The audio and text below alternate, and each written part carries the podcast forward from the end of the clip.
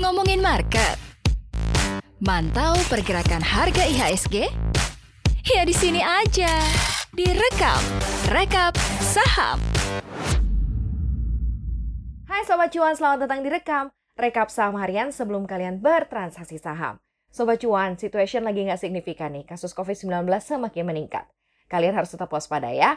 Buat yang work from home disyukuri, tapi yang masih harus work from office, tenang, kalian pasti tetap dalam perlindungannya. Amin. Nah, sebelum transaksi hari ini kita akan update dulu seperti apakah pergerakan indeks harga saham gabungan di perdagangan hari Selasa 29 Juni 2021.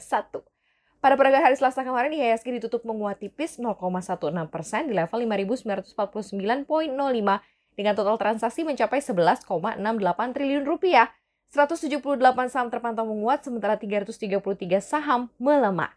Asing sendiri masih membukukan aksi beli bersih loh sebesar 58,43 miliar rupiah sepanjang hari kemarin. Nah, ada beberapa saham yang jadi sasaran buruan para asing nih ya. Di antaranya adalah saham Bank Mandiri, Astra Internasional, Bank Rakyat Indonesia Agro, Indofood, dan juga Indofood CBP asik jadi buruan investor asing. Nah, pertanyaannya sekarang, bagaimana dengan perdagangan di hari ini, Rabu 30 Juni 2021? Ada wacana bahwa pemerintah akan mengumumkan revisi aturan terkait pemberlakuan pembatasan kegiatan masyarakat PPKM berbasis mikro di mana Presiden Joko Widodo ini memutuskan akan memperlakukan PPKM darurat untuk mengatasi lonjakan kasus COVID-19. Sebelumnya, Satuan Tugas Penanganan COVID-19 mengungkap, mengungkapkan maksudnya ya, rencana pemerintah merevisi aturan terkait PPKM darurat. Demikian juga ini juga sudah diungkapkan nih oleh Ketua Satgas Penanganan COVID-19 Gani Puarsito dalam rapat koordinasi Satuan Tugas Penanganan COVID-19 Nasional. Dalam kesempatan itu, Ganip nih memaparkan strategi penguatan manajemen implementasi lapangan PPKM yang berbasis mikro. Nia meminta kepada jajarannya di lapangan untuk melakukan pembubaran kerumunan dengan tegas hingga meniadakan kegiatan sosial kemasyarakatan. Sesuai dengan hasil rapat terbatas itu, Ganip juga bilang akan ada perubahan-perubahan terhadap instruksi Menteri Dalam Negeri nomor 14 tahun 2021 di mana pembatasan-batasan ini menurutnya dilakukan supaya bisa mengendalikan COVID-19 ini tidak semakin menyebar. Contohnya ya, misalnya yang akan diterapkan adalah pelaksanaan untuk kegiatan PPKM ini ada WFH dan WFO yang akan diberlakukan dengan komparasi 75% dan 25% untuk daerah yang merah dan orange. Kemudian untuk sektor-sektor ekonomi seperti mall nanti akan hanya dioperasikan sampai jam 5 sore. Kemudian restoran juga cuma bisa diizinkan untuk take away ini dibatasi sampai pukul jam 8 malam. Ini beberapa pembatasan yang akan nantinya diterapkan sebagai revisi dari Inmendagri yang sudah dipedomani sampai saat ini. Nah makanya nih pesannya ya Sobat Cuan, kalau udah nggak penting-penting banget tetap ada di rumah aja. Karena rencana yang sudah sangat baik ini akan bisa terrealisasi dengan baik juga kalau ada kesadaran dari kita semua ya. Nah, kalau Sobat Cuan tanya, ngaruh nggak nih sama perdagangan di Bursa Efek Indonesia? Nah, pihak Bursa Efek Indonesia memberikan respon juga nih kan terkait mengenai wacana yang kencang berhembus ini terkait mengenai pembatasan PPKM berbasis mikro darurat untuk mengatasi lonjakan kasus COVID-19. Berdasarkan informasi yang didapatkan dari Direktur Perdagangan dan anggota Bursa Laksono Widodo yang menyampaikan sampai saat ini otoritas bursa ini masih akan tetap beroperasi seperti biasanya. Pun demikian halnya bila nanti ada opsi-opsi dalam tanda kutip lockdown ya yang akan diterapkan, bursa ini akan berkoordinasi lebih dulu dengan otoritas jasa keuangan untuk memutuskan tindak lebih lanjut seperti misalnya penutupan perdagangan misalnya.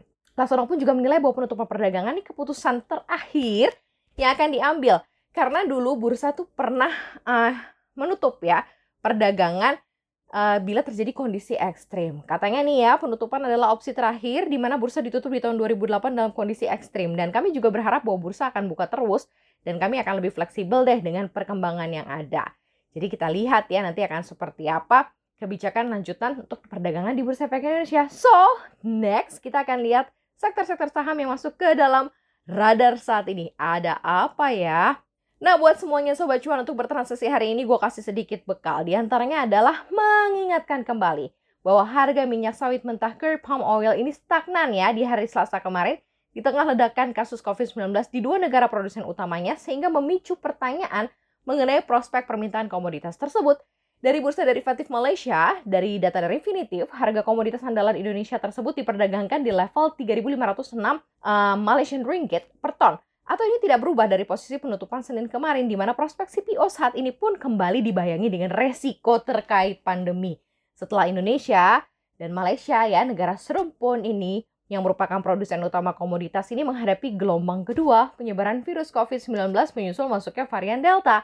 Selain produsen, kedua negara tersebut juga merupakan konsumen utama CPO dunia dan mengutip dari Departemen Pertanian Amerika Serikat, Indonesia ini diprediksi akan berada di urutan teratas dengan konsumsi 15,3 juta metrik ton tahun ini, sementara Malaysia ada di urutan ke-6 dengan 3,45 juta ton. Oleh karenanya, pemberlakuan pembatasan sosial skala besar jilid 2 yang mungkin akan dijalankan di Indonesia dan juga lockdown yang akan dilanjutkan di Malaysia akan membuat produksi CPO terganggu. Tetapi secara bersamaan konsumsinya juga tertekan. Moral of the story adalah buat sobat cuan yang lagi pegang barang siap-siap atur portofolio ya. Sebentar lagi kita akan menikmati pembukaan dan transaksi hari ini. Siap-siap, ambil posisi, ambil langkah terbaik untuk portofolio kamu hari ini. Demikian rekam saham hari ini. Selamat bertransaksi, happy cuan. Jangan lupa sarapan. Ketemu besok. Bye.